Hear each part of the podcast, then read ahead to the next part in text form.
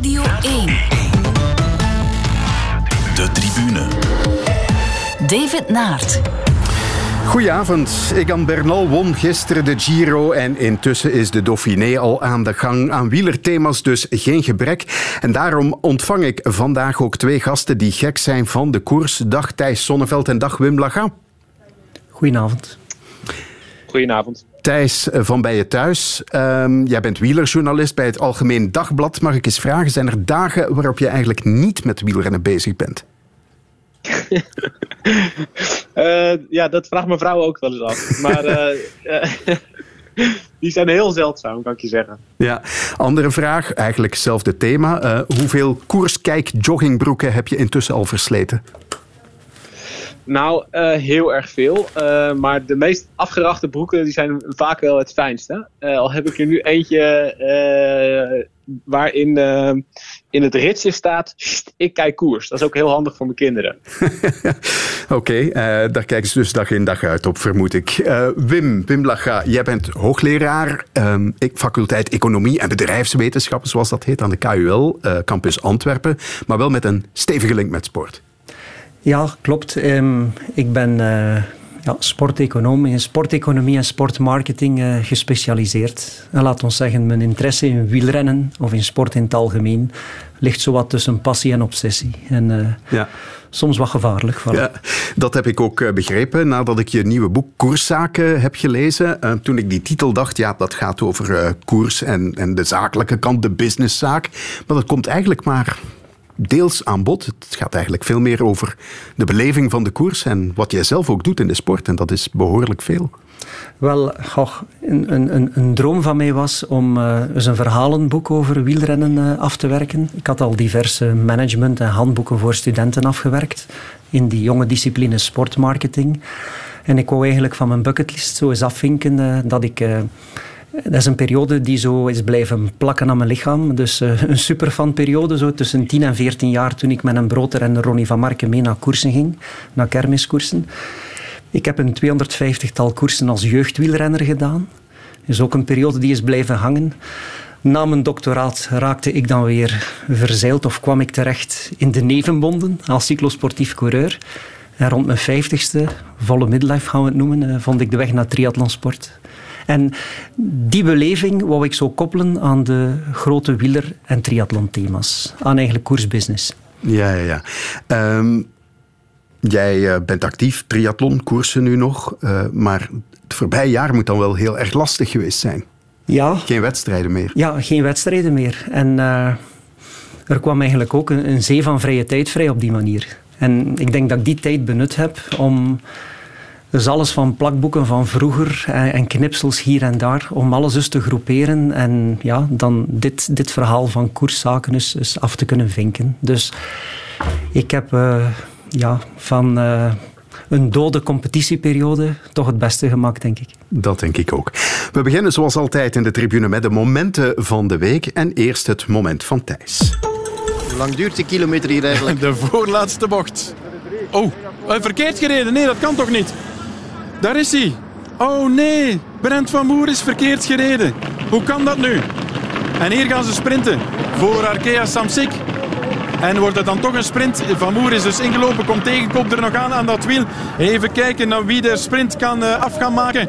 Komt uh, Merlier, Merlier er nog over? Merlier gaat er nog overkomen. En Tim Merlier gaat hier winnen. Tim Merlier wint de koers hier voor McLeay, inderdaad. Ho, ho, ho, ho, ho, wat is dit voor een ontknoping? Is het hier gebeurd? De afleiding van de auto's, ja. En hij moest rechtdoor. Ja, ja. Oh, oh, oh, oh, oh, oh, oh, De onfortuinlijke Brent van Moer greep naast zijn eerste profzege in de Ronde van Limburg. Uh, Thijs, waarom heb je dit gekozen?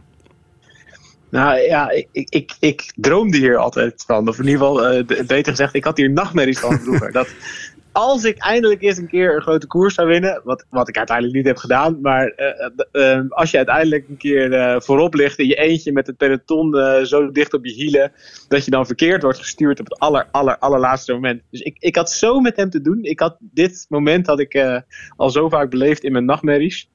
En ehm, eh, ja, des te mooier was het en des te beter karma eh, voorbeeld dat hij afgelopen weekend alsnog won. Ja. Maar ik had enorm met hem te doen. Ja, gisteren inderdaad de eerste rit uh, gewonnen in de Dauphiné. En ik zag dat jij meteen de vergelijking maakte, Brent de Gent. Ja, grappig genoeg deed de Gent dat niet veel later zelf ook. Ja. Ehm, ja. het zijn een beetje dezelfde type coureurs. Hij, van Moer is wel echt een stuk groter, maar het zijn allebei van nature echt goede tijdrijders. En jongens die willen aanvallen en die lang voor een peloton uit kunnen blijven rijden. En ik had, uh, ja, ik had heel sterk een uh, Thomas de Gent gevoel bij uh, Van Moer. En ik vond het heel grappig dat de Gent vervolgens zelf ook zei: de, Brent is de nieuwe de Gent. Dus we, we, waren het met elkaar eens. Ja, laten we het hopen, want dat betekent dat we nog veel goeds zullen zien van Brent Van Moer. En dan het moment van Wim.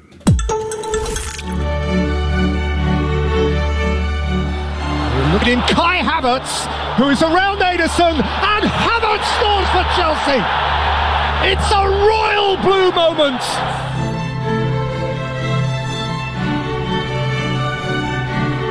Maar uh, het spel ligt toch al een tijdje stil en Roberto Martinez die is wat schietgebedjes aan het prevelen denk ik. Want Kevin De Bruyne is op de grond blijven liggen.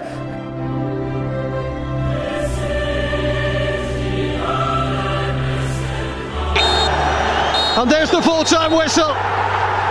The Thomas Tuchel Chelsea transformation is complete. Ja, dat was de finale van de Champions League afgelopen zaterdag. Niet gewonnen door Manchester City, wel door Chelsea. Um, maar het is eigenlijk niet over de match zelf dat je het wou hebben, Wim. Wel, ik heb dit moment uh, geselecteerd. Uh, wordt werd in de internationale, beetje voetbal-economische pers de Cashiko genoemd. Eigenlijk de clash van de miljardairs. Ja. Abramovic in 2003 aan het stuur gekomen van Chelsea en Sheikh Mansour 2008. Uh, en die hebben eigenlijk van betere middenmotors of zo subtoppers toppers gemaakt met heel veel financiële doping. En dat is zo'n beetje het verhaal van stroper en boswachter, denk ik. En UEFA heeft dan te laat, um, met vertraging, um, UEFA Financial Fair Play proberen in te voeren. Mm -hmm. om, om hun big spending gedrag in te tomen. En met vertraging is dat een klein beetje gelukt. Maar die teams kennen ook achterpoortjes. Die blazen sponsorcontracten op. Die weten ook dat ze bij een hogere rechtsorgaan toch weer hun gram kunnen halen. Dat die sancties al bij al meevallen.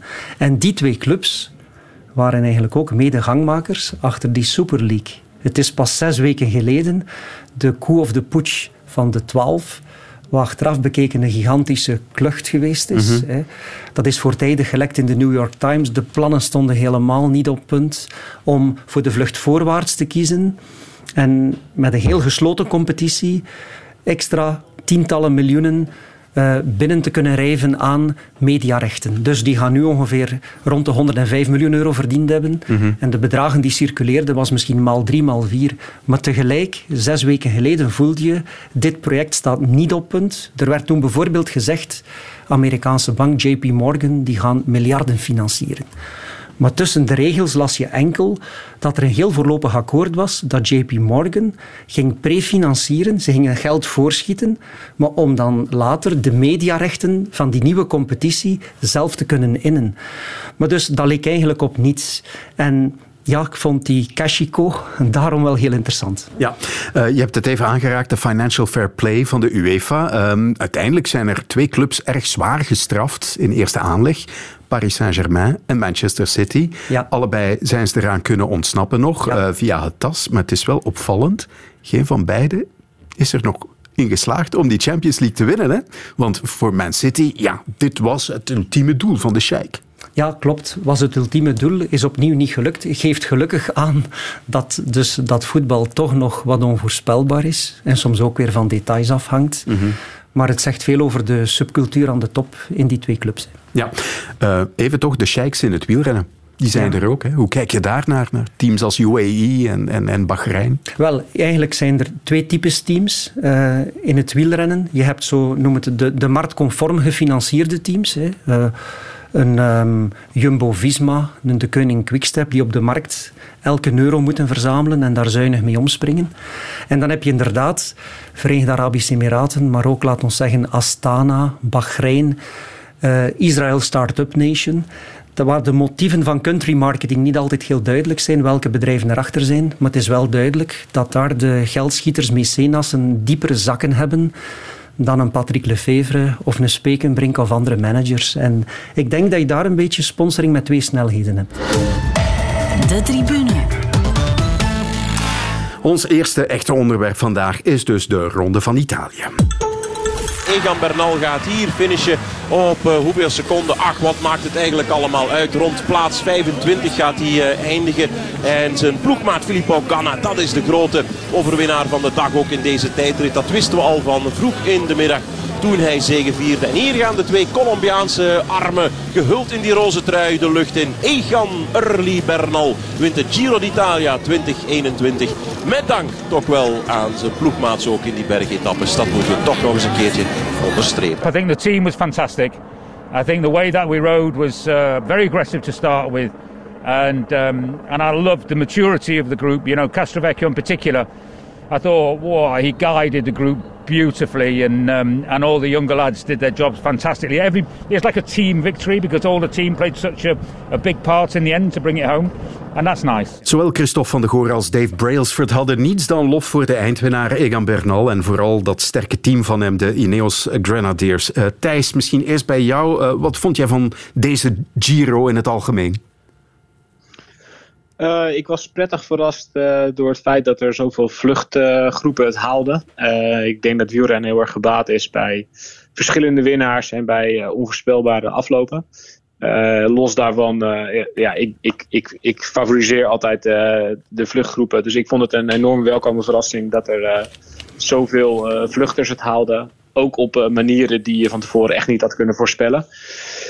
Um, in een, ja, ik denk uh, wat Bernal aangaat, uh, dat hij de goede keuze heeft gemaakt. Uh, hij hikt al een enige tijd aan tegen het niveau van Pogacar en Roglic. En hij merkt dat hij daar elke keer door wordt afgeslacht. Mm -hmm. En hij heeft eigenlijk heel duidelijk gekozen voor, nou ja, om die twee te ontlopen. En om de Giro proberen te winnen in plaats van in de Tour tweede viool te spelen. En dat is een hele goede keuze gebleken. ik denk dat het meer waard is om de Giro te winnen dan om derde of vierde te worden in de Tour. Wim? Ja, ik uh, deel de mening van uh, de toegenomen spankracht. Uh, de, de jaren van heel verstikkende controles van één team en voorspelbare massasprinten liggen hopelijk achter ons. En ehm, ik denk dat de tijdrit van Bernal ook aangaf dat hij in de tweede week wel behoorlijk sterk en het verschil uitgediept had. Maar dat hij ja, toch wel de, jong, de laatste dagen een beetje uitgewond was, denk ik. Maar goed zijn best deed. En en dat hij gewoon qua tijdritniveau inderdaad niet het niveau haalt van uh, Roglic en Pogacar. Ja, zijn team was ook ijzersterk. He, dat, dat, dat, zag je bijvoorbeeld zaterdag nog. Uh, die Martinez rijdt met hem mee, rijdt er mee alle favorieten af. Klopt. En uh, ik denk dat daar weer een, een, verband is tussen de hoogte van het budget en hoe Brailsford eigenlijk die subtoppers in het hooggebergte inkoopt. En, en daar niet op een euro moet kijken. Hè. En dus dat hij met misschien een ongeveer dubbel zo hoog budget als een Lefevre, die rond de 20, 22 miljoen euro, Jumbo-Visma zal ook die orde van grootte of iets meer zijn, maar zo een budget maal twee geeft u toch meer armslag.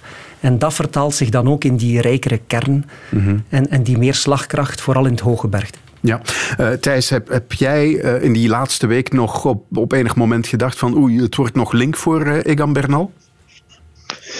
Nou, toen, toen, uh, ja, toen hij een minuut verloor in de etappe naar Segadiala, uh, waar hij uh, Yates echt moest laten gaan. hij probeerde daar echt Yates eh, te counteren. En dat lukte niet. Hij moest gaan zitten en ja, hij werd echt nog wel flink voorbij gereden.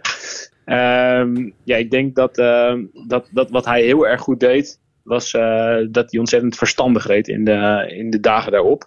Dus hij was uh, twee, tweeënhalve week bezig met uh, de Giro te winnen en te laten zien dat hij de beste was. Dat zei hij ook telkens. Weet je, ik wil laten zien dat ik terug ben. Ik wil laten zien dat ik de beste ben. En ik vond het enorm verstandig. En ja, die, dat, dat hoor je Brailsford ook zeggen.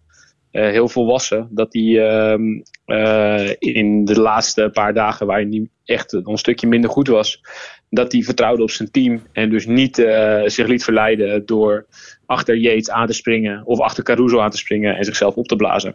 Dus het was, uh, hij was 2,5 weken de beste in koers en daarna uh, was hij ook zo verstandig om hem naar huis te brengen. En dat, ja, dat is uiteraard wel, uh, dat heeft flink ook te maken met de, met de ervaring die binnen dat team er, er is. Die hebben al zoveel grote rondes uh, gewonnen en naar huis gebracht.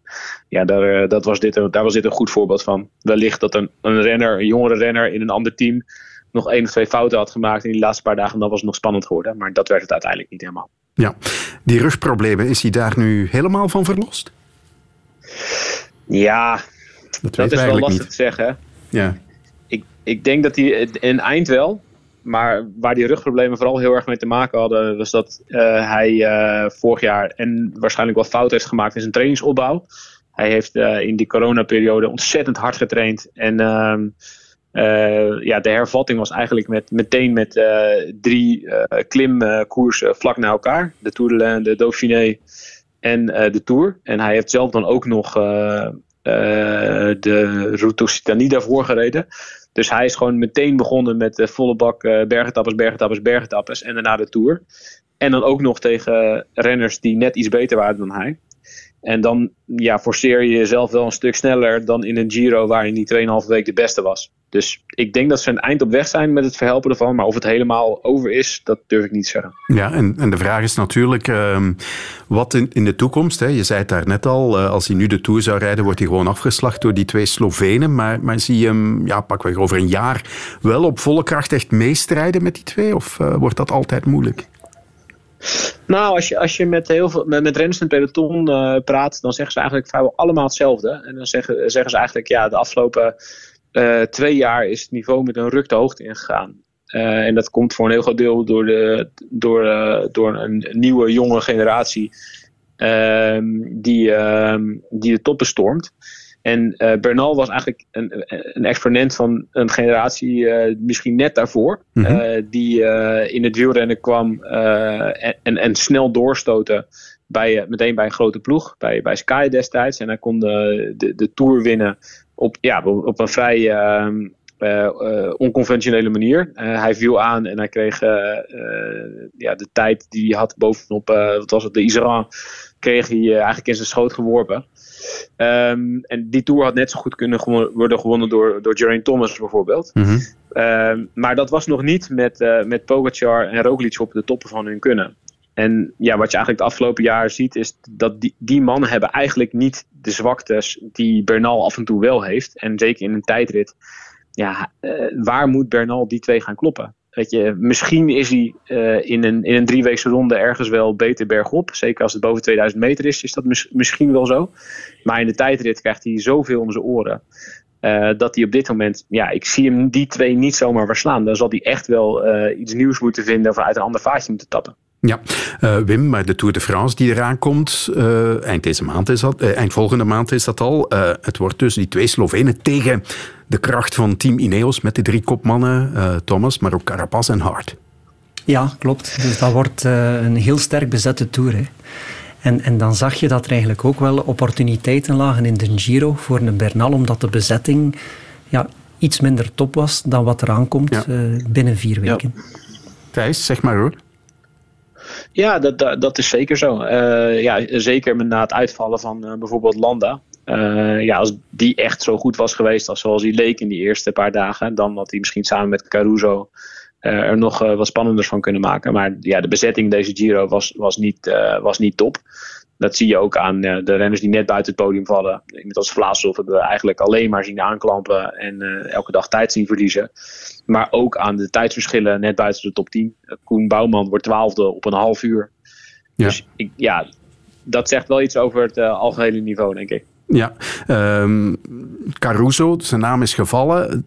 Was, was dat voor jullie een verrassing, uh, Thijs, misschien in eerste instantie, dat hij dan toch nog tweede wordt? Want uiteindelijk was hij ook maar begonnen als de helper van Mikel Landa. Is 33 ondertussen.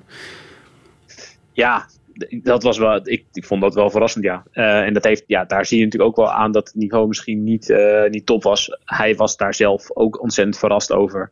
Het is een, echt wel een goede renner en iemand die altijd zo rond plek 10 uitkomt in grote rondes waarin hij enigszins zijn eigen ding mag doen. Maar dat hij in deze Giro en tweede werd en in het slotweekend ook nog nou ja, een, een gooi deed of een poging deed om het, uh, om het roze te veroveren. Dat was wel echt een enorme verrassing. En dat uh, had denk ik niemand van tevoren gedacht. Um, uh, en het, ja, nogmaals, dat zegt wel ook iets over, over de Giro, over het niveau ervan. Want ik denk wel dat hij zelf ook niet. dit had hij nooit gedroomd van tevoren, voor, voordat hij aan de Giro begon. De tribune. En mijn gasten vandaag zijn Thijs Sonneveld en Wim Lacha. Remco Evenepoel heeft de drie weken van de Giro niet kunnen volmaken. Hij stapte na zijn val afgelopen woensdag uit de wedstrijd. Heeft hij eigenlijk een uh, mentale tik gehad? Ik denk, ik denk dat hij er uh, wel een paar gekregen heeft natuurlijk. Ik moet daar niet flauw over doen. Ik heb nooit gedacht dat hij de Giro ging winnen, voor alle duidelijkheid. Dat hij op een bepaald moment dat roos geroken heeft, dat weet ik ook. Want als je plots voor bijna staat en die rijdt dan 11 seconden weg van u, dan, is, dan kon het ook u terug geweest voor even. Maar vooral ja, dan die, die etappe van Montalcini, hè, de, de stradenrit en dan de Zoncolan. En dan, ja, en dan voel je dat de emmer leegloopt. En ik denk zowel uh, fysiek, maar ook wel mentaal. Dat was de analyse van Patrick Lefevre in een notendop. Uh, Wim, ik zag je af en toe uh, knikken. Ja, hoe heb je eigenlijk gekeken naar de Ronde van Italië van Remco? Wat, wat is jouw evaluatie?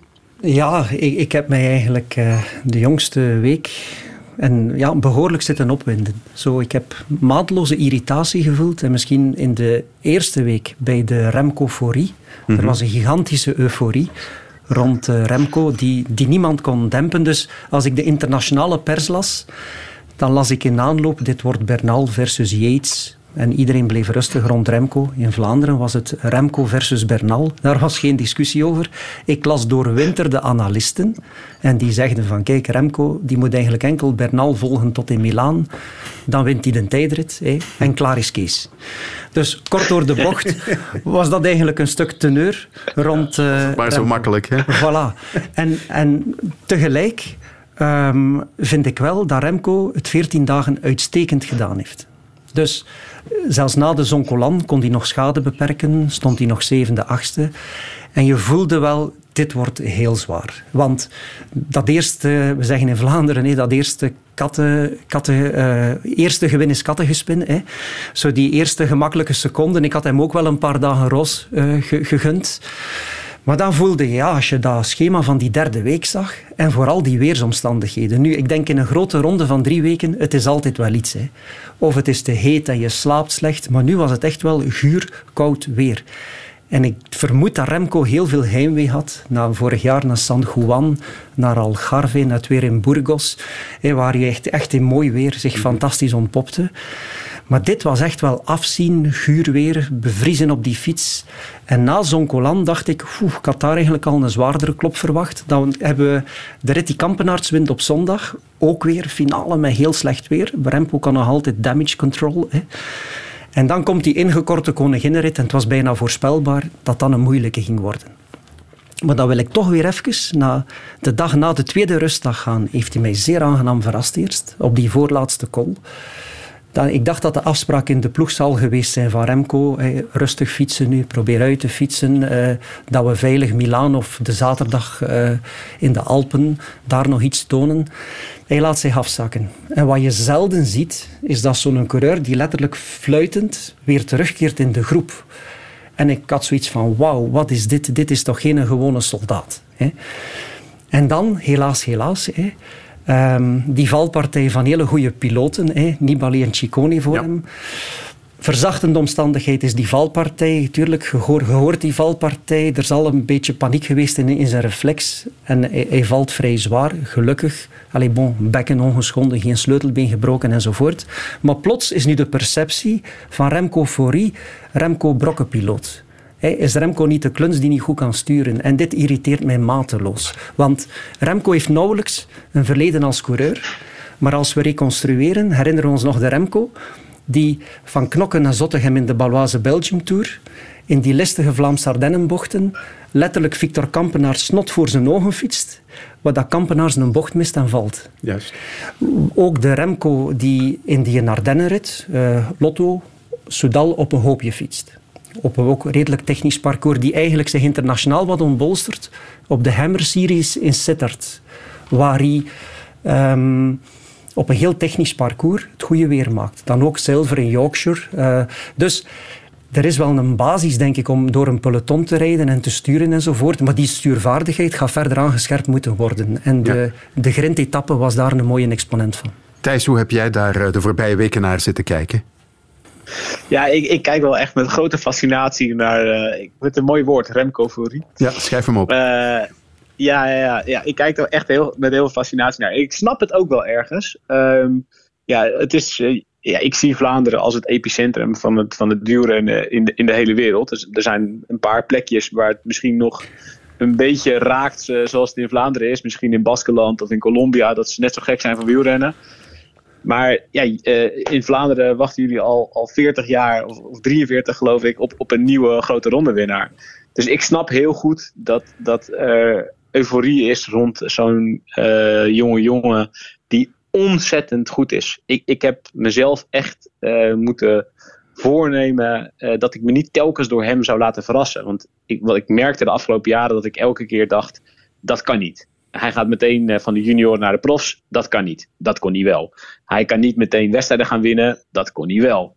in San Sebastian dacht ik, ja, wat gaat hij nou doen? is eentje vooruit rijden, leuk. Wordt hij in de slotfase teruggepakt en over, overrompeld? Nee, hij won.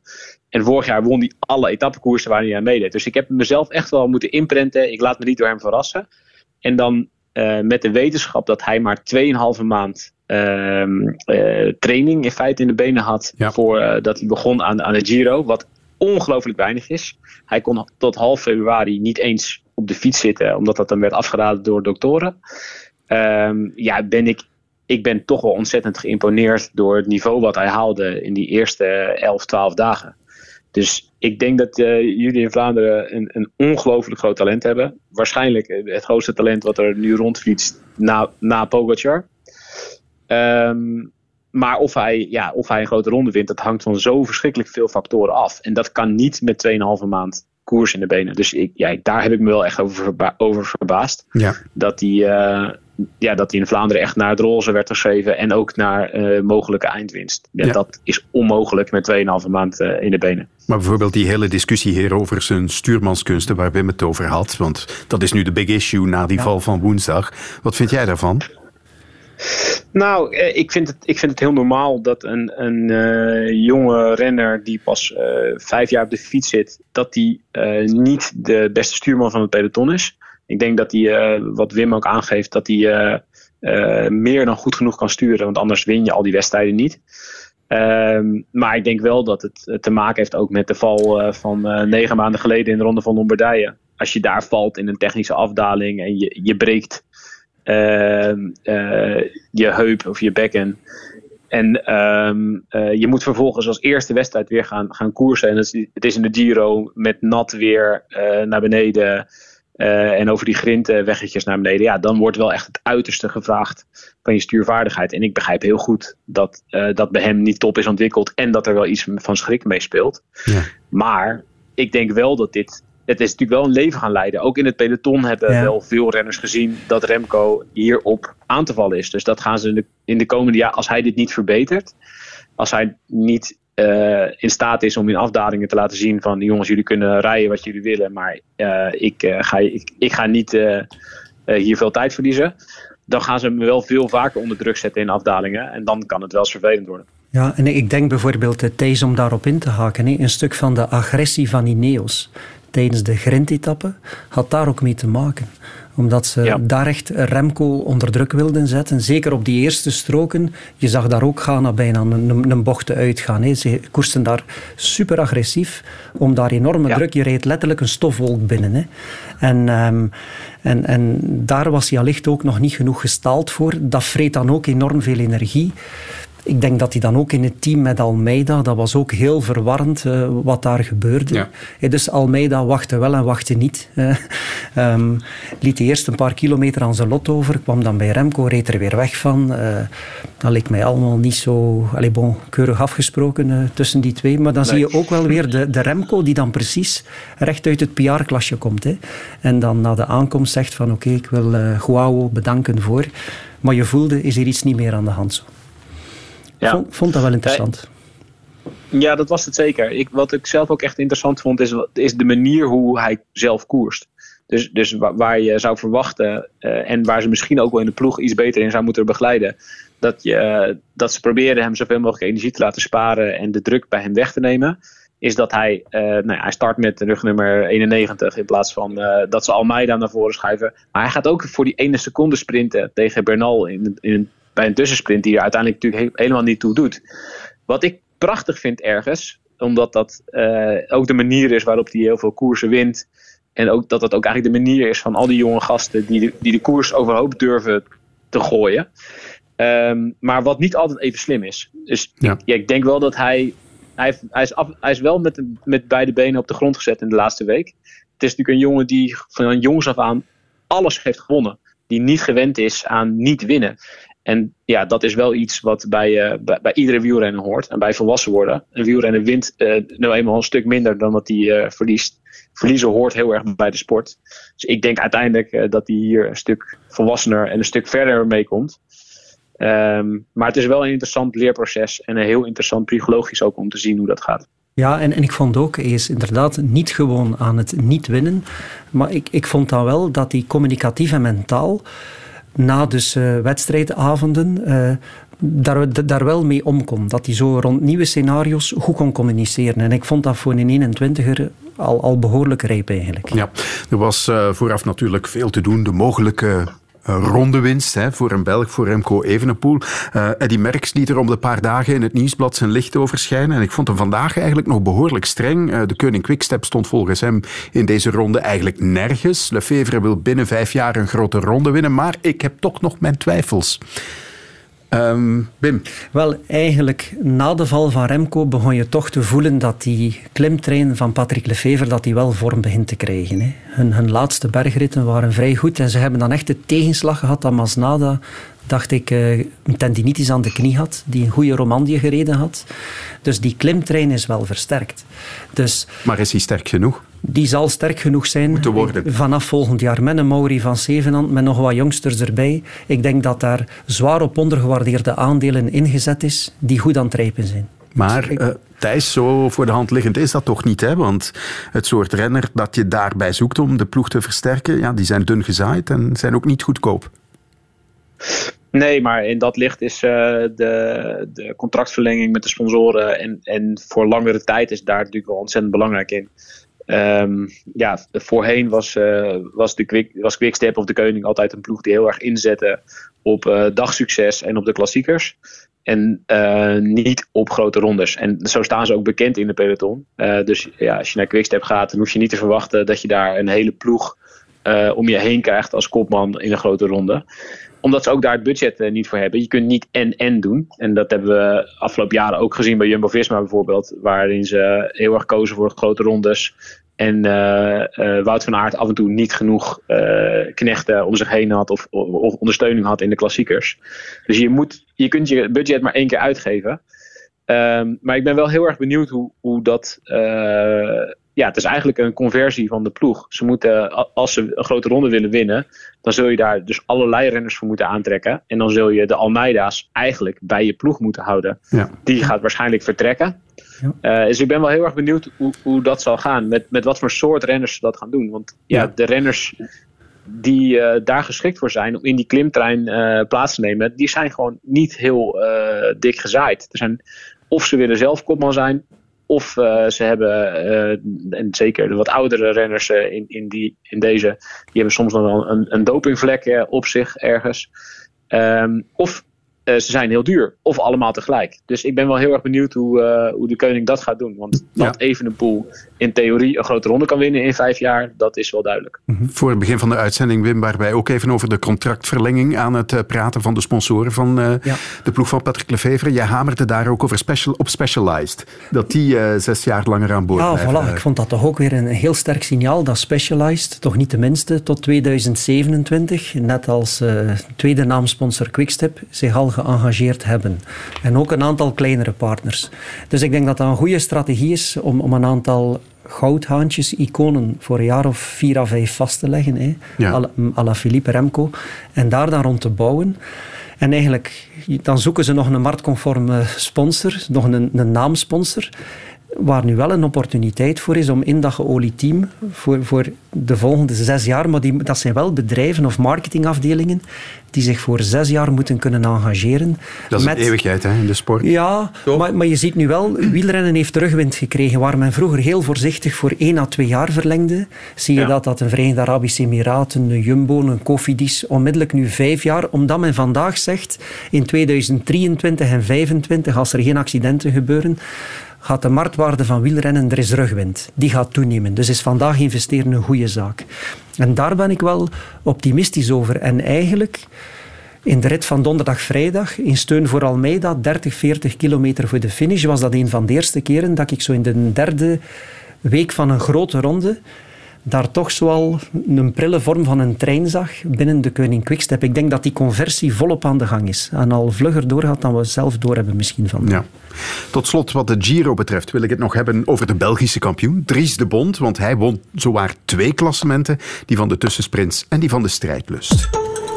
Ik zag deze week een tweet passeren en ik denk dat Gilbert en de Gent mij vooraf gegaan zijn als laatste Belgen die dat voor elkaar kregen. Uh, dat zijn mooie namen om tussen te staan dan. En uh, in dat sprintklassement, dat heeft Bakelands nog een keer gewonnen, tien jaar geleden denk ik. Exact tien jaar geleden in 2011. Eh, ja, dat is ook geen slecht naam om mij naast te zetten, dus ik ben er echt wel tevreden mee. Ja. Ja, toen uh, Dries de Bond Belgisch kampioen werd, dachten velen wellicht, oeh, die trui gaan we niet vaak te zien krijgen in de koersen. En kijk eens aan, we hebben ons allemaal vergist. Of toch degene die er zo over dachten, Wim. Ja, ik denk dat uh, Dries de Bond uh, een zeer goede Giro d'Italia achter de rug heeft. Maar ik denk, wat je nu gezien hebt van Alpes en Phoenix, is eigenlijk ook wel het resultaat van de koopmanskunst van de teammanagers, van de gebroeders, van de gebroeders Roodhoofd. Hè. Dus ik denk, als je aan teammanagers 10, 15 of 20 miljoen euro geeft aan een vijftal, en je stuurt Patrick Lefevre de markt op, of de gebroeders Roodhoofd, of wie het niet goed gedaan heeft op de transfermarkt de jongste jaren, de mensen van Lotto Sudal. En dan ga je zien, koopt men ondergewaardeerde of overgewaardeerde aandelen. Of renners die men een nieuwe kans gaat geven. En om binnen dat team te blijven, een Louis Vervaken, een Gianni Vermeers. Tim Merlier was twee jaar geleden een werkloze renner. Mhm. In een zwarte trui, waar niemand in geïnteresseerd was. En dan siert het toch dat management dat ze daarop inzetten en via teamspirit en ik denk goede begeleiding die renners beter maken. En het was een uitstekende ronde van de bond. Ja, Thijs, uh, andermaal is gebleken dat dat team veel meer is dan Mathieu van der Poel. Hè? Ja, maar eh, wij zien uh, in Nederland zien wij Alpecin Phoenix als team van Mathieu van der Poel. maar dat is echt, dat is echt onterecht als je ziet uh, hoe goed Merlier bijvoorbeeld rijdt. En ik denk dat Wim uh, heel terecht aanhaalt wat een, ja, wat een koopje dat is geweest in feite. En waar, waar zoveel ploegen naast hebben gekeken. Want dat is gewoon een van de allersnelste sprinters van het moment. En in, in, ja, als je een rit in een grote ronde kan winnen, dan heb je jezelf bewezen. Dat heeft hij de afgelopen periodes ook gedaan in wat kleinere koersen. Maar ja, dat is gewoon een ontzettend goede coureur. En daar hebben toch wel heel veel ploegen zitten slapen. Dus het is wel echt ontzettend knap, vind ik, van Alpecin Phoenix dat ze die hele ploeg in de breedte zo goed hebben gemaakt. Want voor hetzelfde geld hadden ze nog wel ergens nog dit gewonnen. Oscar Riesenbeek wordt een keer tweede en die rit die Kampenaerts won bijvoorbeeld. Dus ja, dat is een ploeg uh, op pro-continentaal niveau, maar die uh, in feite ook in de omkadering uh, eigenlijk world waardig zijn. Ja. Ik vond die Riesenbeek ook wel een revelatie. Een mooie renner, uh, attractieve renner, heel aanvallend. Mooi. Om in de gaten te houden. Zullen we dan de overstap maken naar de Dauphiné? Dat is traditioneel de voorbereiding op de Tour. Maar ja, Thijs, dat valt dit jaar toch een beetje tegen. Hè? Geen, wat de grote namen betreft dan toch. Geen Alaphilippe, Pogacar en Roglic bijvoorbeeld. Uh, mis je hen daar? Mm, ja, ik denk dat het heel interessant was geweest als we nog een keer een duel uh, Pogacar-Roglic uh, hadden gehad. Ja. Maar dat hebben ze eigenlijk al een beetje in het begin van het jaar uitgevochten, vooral in de ronde van het Baskeland. Ja, waar ze toch heel erg bang voor zijn bij, bij zeker bij Jumbo-Visma, is dat Roglic hetzelfde overkomt als vorig jaar. Toen hij eigenlijk in, in, in ontzettend goede vorm viel in de Dauphiné. En ze weten eigenlijk van hem dat hij heel snel in vorm is. Dus dat als hij van de hoogte terugkomt, dat hij gewoon top is. Dus ja, ze hebben eigenlijk gewoon gedacht, ja, waarom moeten we hem in godsnaam naar de Dauphiné sturen? Als we weten dat hij uh, uh, eigenlijk veel beter op hoogte kan trainen, risicoloos en uh, veel beter en gerichter kan trainen en fitter en, en beter aan de Tour kan beginnen. Dus ja, het is jammer. Um, maar het is ook wel logisch. Ja, wie er wel is, dat is Chris Froome, maar dat is voorlopig nog niet om vrolijk van te worden. Vandaag heeft hij meer dan drie minuten verloren. Froome wordt geviseerd. 10 kilometer nog van de streep. 2,3 nog voor eh, de leider. En toch heeft deze meneer de Tour vier keer gewonnen. En de Vuelta. En de Giro. Ja, nog altijd groot eh, respect voor hetgeen dat hij gedaan heeft. was misschien niet de meest spectaculaire renner. Maar uh, je moet het toch maar doen. Thijs, wat mij hier opviel is dat José zowaar al in de verleden tijd over Froome begon te spreken. Of misschien was dat geen toeval. Ik had een beetje medelijden met hem. Jullie? Ja. Ik vond het een beetje zielig. Ehm, ja, het is, het, het is uh, qua palmares zeker is het natuurlijk een geweldige renner. En hij heeft een enorm harde kop. Uh, dat heeft hij wel in het verleden wel bewezen door bijvoorbeeld de Giro op zijn kop te zetten met een uh, onwaarschijnlijke solo. Maar ja, het wordt nu wel een beetje potsierlijk, eerlijk gezegd. Uh, hij roept al ja, anderhalf jaar dat hij op weg is, op schema ligt om zijn vijfde tour te gaan winnen. Ja, dat is echt gewoon onzin. En ik vraag me echt af of hij überhaupt gaat starten in de tour. En ik denk eerder niet dan wel. Ja, het wordt wat een, een pijnlijk verhaal. Maar natuurlijk, we mogen ook niet te veel medelijden hebben. Bent blijft multimiljonair. Maar ik denk dat dit ook weer alles zegt over het gebrek aan koopmanskunst nu.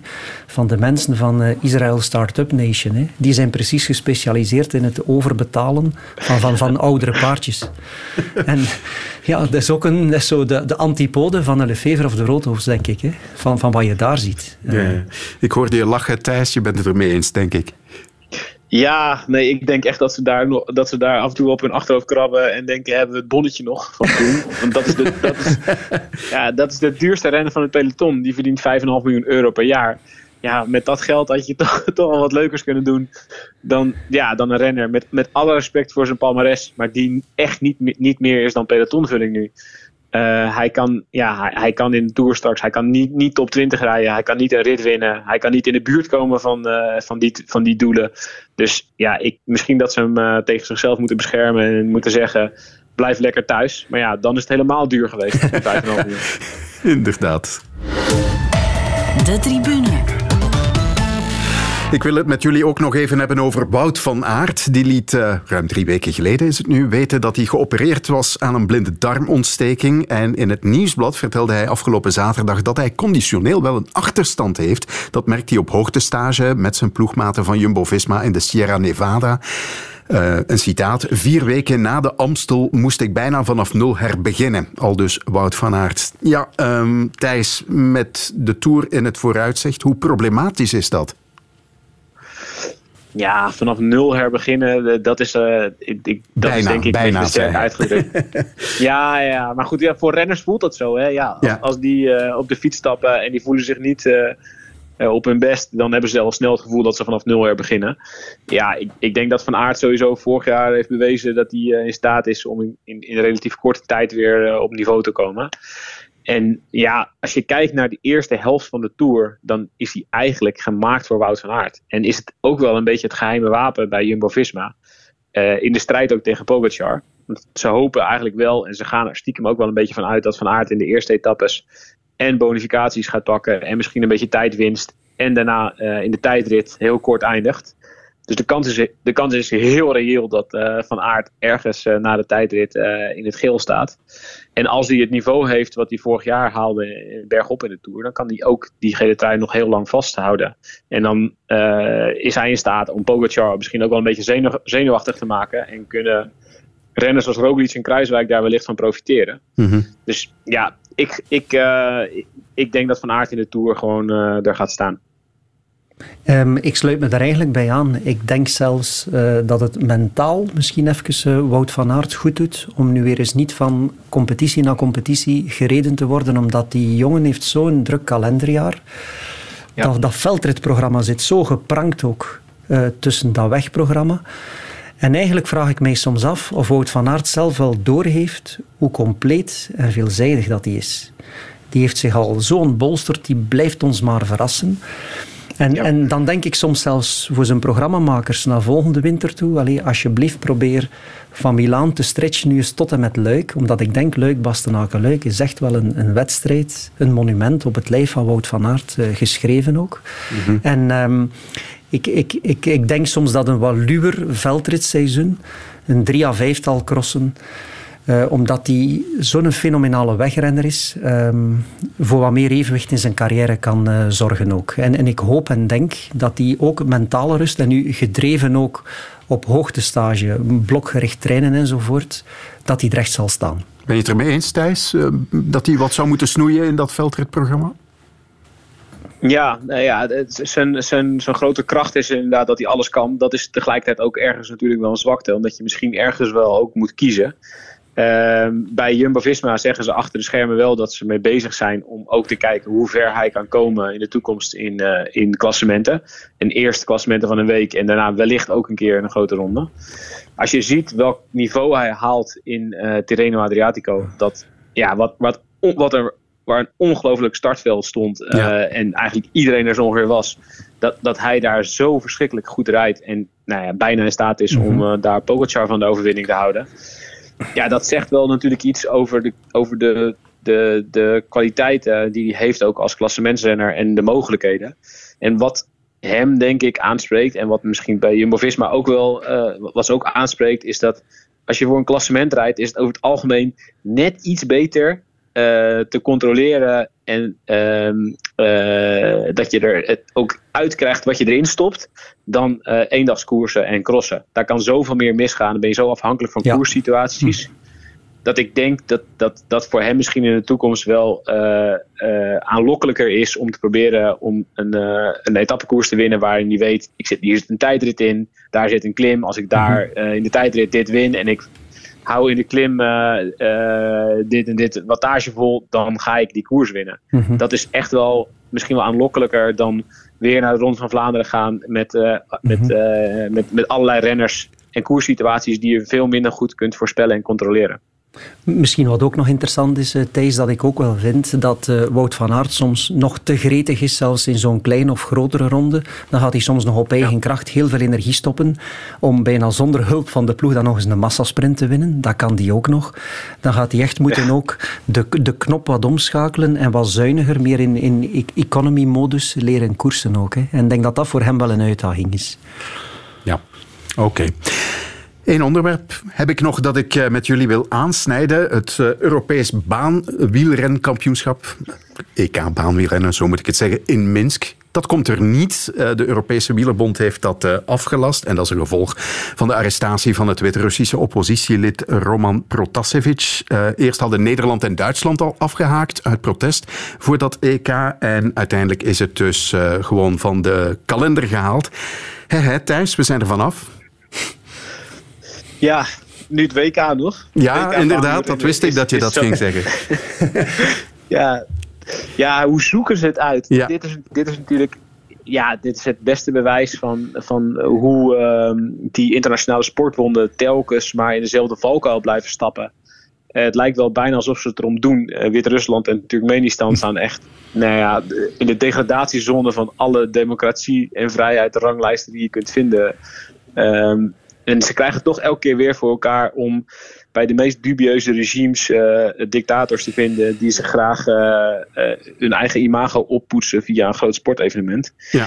Dat hebben we natuurlijk bij talloze andere sportfederaties gezien en de UCI blijft daar ook elke keer opnieuw intrappen. En ja, zolang ze niet in de top van die sportbonden serieus gaan reflecteren en gaan nadenken over ja, hoe komt het nou dat elke keer dit opnieuw gebeurt, gaan we dit opnieuw en opnieuw en opnieuw en opnieuw en opnieuw zien. Maar hoe komt dat, de, dat dat blijft gebeuren, uh, vraag ik mij dan af. Of zijn wij met onze, ik zal het maar, westerse kijk op de dingen misschien een minderheid, zonder dat we het beseffen? Of hoe, hoe komt dat, Wim? Wel, ik, ik, ben me ook aan het afvragen, waar vindt dat WK voetbal nu weer plaats volgend jaar? Ja, uh, nog zoiets, ja.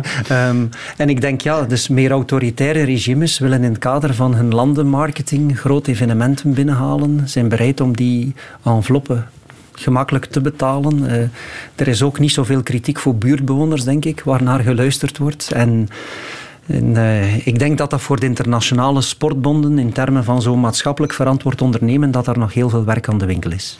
Maar uh, ze voelen zich ook nooit gegeneerd, lijkt mij. Hè? Thijs, je noemde het WK uh, baanwielrennen in Turkmenistan. En dan bestaat Lapartien het om die dictator ook nog eens te onderscheiden met een decoratie van de UCI voor zijn, wat was het nu weer, haast niet te meten bijdrage aan de ontwikkeling van het wielrennen.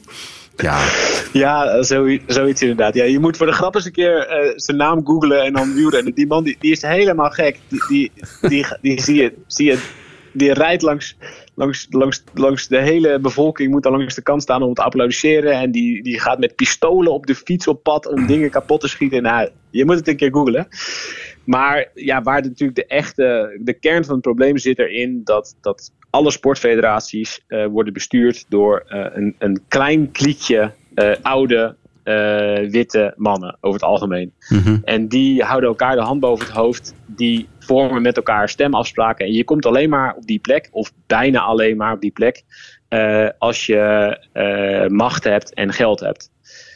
en dat is een proces wat, zich opnieuw, wat telkens opnieuw uh, wordt herhaald. En je krijgt eigenlijk op de, de meest belangrijke plekken in die organisaties, krijg je de mensen die daar zijn gekomen door ellebogenwerk, door, uh, vaak door, ook door corruptie of door uh, achterkamertjespolitiek. En juist niet de mensen die er zouden zitten om iets te doen voor de sport. Die zitten vaak in de sport op veel lagere posities. Vaak zijn er vrijwilligers die gewoon aan de slag gaan bij, bij een clubje. Um, en dat is in essentie het grote probleem. Die sportfederaties zijn uh, het tegenovergestelde van een democratische organisatie. Dus er, zijn, er hebben daar maar, vaak zijn het maar vijf tot, tot tien mensen die daar uh, de scepter zwaaien en die, die machtsblokjes aansturen.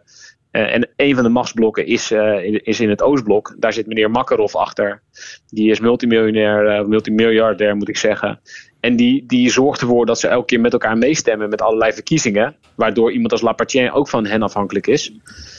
Um, Maar ja, dat krijg je keer op keer opnieuw. En daarom, uh, ja, zolang je niet uh, van die sportorganisaties uh, een democratischere organisatie maakt, ja. wordt het elke keer opnieuw uitgemaakt door die partijen. Ja. Maar het probleem is natuurlijk dat ze wel beslissingen nemen die ons allemaal aangaan. Ja.